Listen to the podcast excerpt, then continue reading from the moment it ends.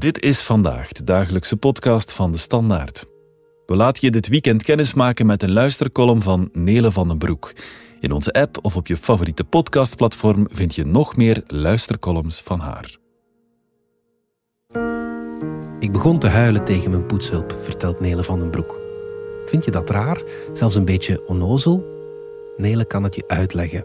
Want niet huilen en flink zijn, is dat nu echt de oplossing voor alles? Mag het niet wat meer samen praten en samen huilen zijn? Dat vraagt onze columniste zich af.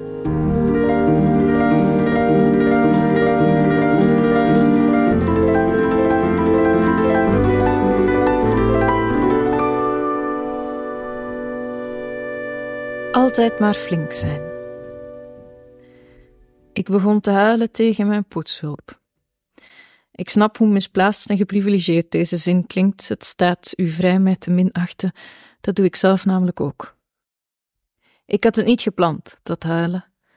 Wie deze columns een beetje volgt, weet dat het de laatste tijd niet bijzonder goed met me gaat.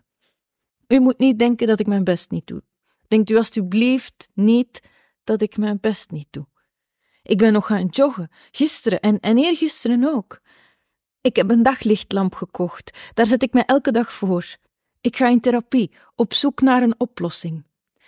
Het moet maar eens welletjes zijn met die zoveelste depressie. Ik wil zo snel mogelijk weer een actief, volwaardig lid van de hardwerkende samenleving kunnen zijn, zodat ik niet geliquideerd word als de fascisten straks aan de macht komen. Oei, zei ik nu fascisten?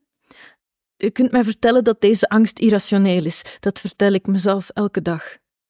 Maar toch. Er stond in de standaard een artikel over de winterdip. Iemand raadde aan er niet aan toe te geven. Uiteraard, er is maar één oplossing voor elk probleem en dat is flink zijn. Altijd maar flink zijn.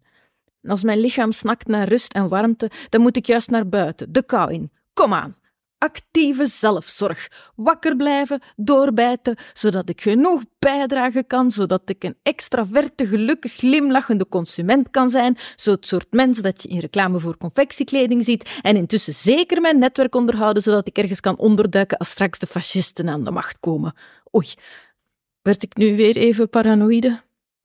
Het zou best wel eens kunnen dat ik gek aan het worden ben. Of niet, nog erger. Maar dus ik begon te huilen bij mijn poetshulp. Het was werkelijk ongepast.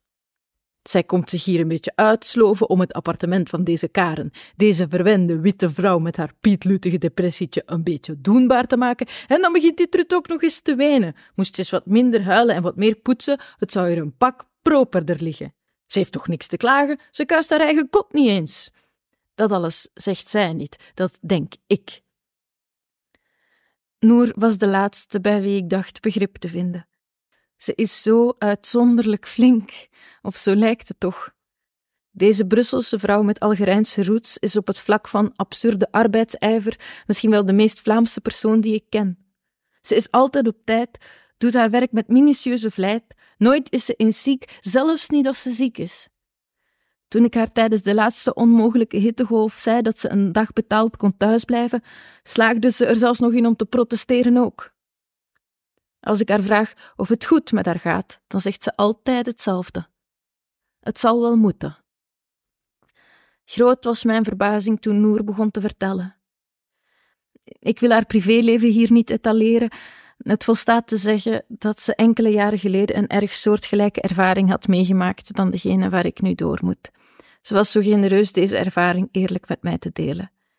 Dat het uiteindelijk goed komt, zei Noor. Het kan lang duren, maar uiteindelijk komt het goed. Ze gaf me geen advies. Toch, of misschien net daarom, bood dit kleine gesprekje mij meer troost dan mijn dure daglichtlamp, mijn vitamine D-supplementen, mijn 25 minuten beweging per dag. Een ander mens had even erkend dat het leven geen reclamespot voor confectiekleding is. Ik vond een onverwachte lotgenoot in de ervaring dat het soms onverklaarbaar gruwelijk is om te bestaan, hoeveel je ook je best doet. Vergis u niet, ik voel me nog steeds niet goed. Maar ik voel me al wat minder gek, wat minder een melancholische alien tussen energieke, hardwerkende, gezonde, eeuwig jonge mensen. Ik heb geen oplossing. Niet tegen depressie, niet tegen oprukkend fascisme. Maar als ze ergens ligt, dan in verbinding. Flink doorbijten gaat ons niet redden. Praat met elkaar. Huil bij elkaar. Uiteindelijk komt het goed. Het kan lang duren, maar uiteindelijk komt het goed.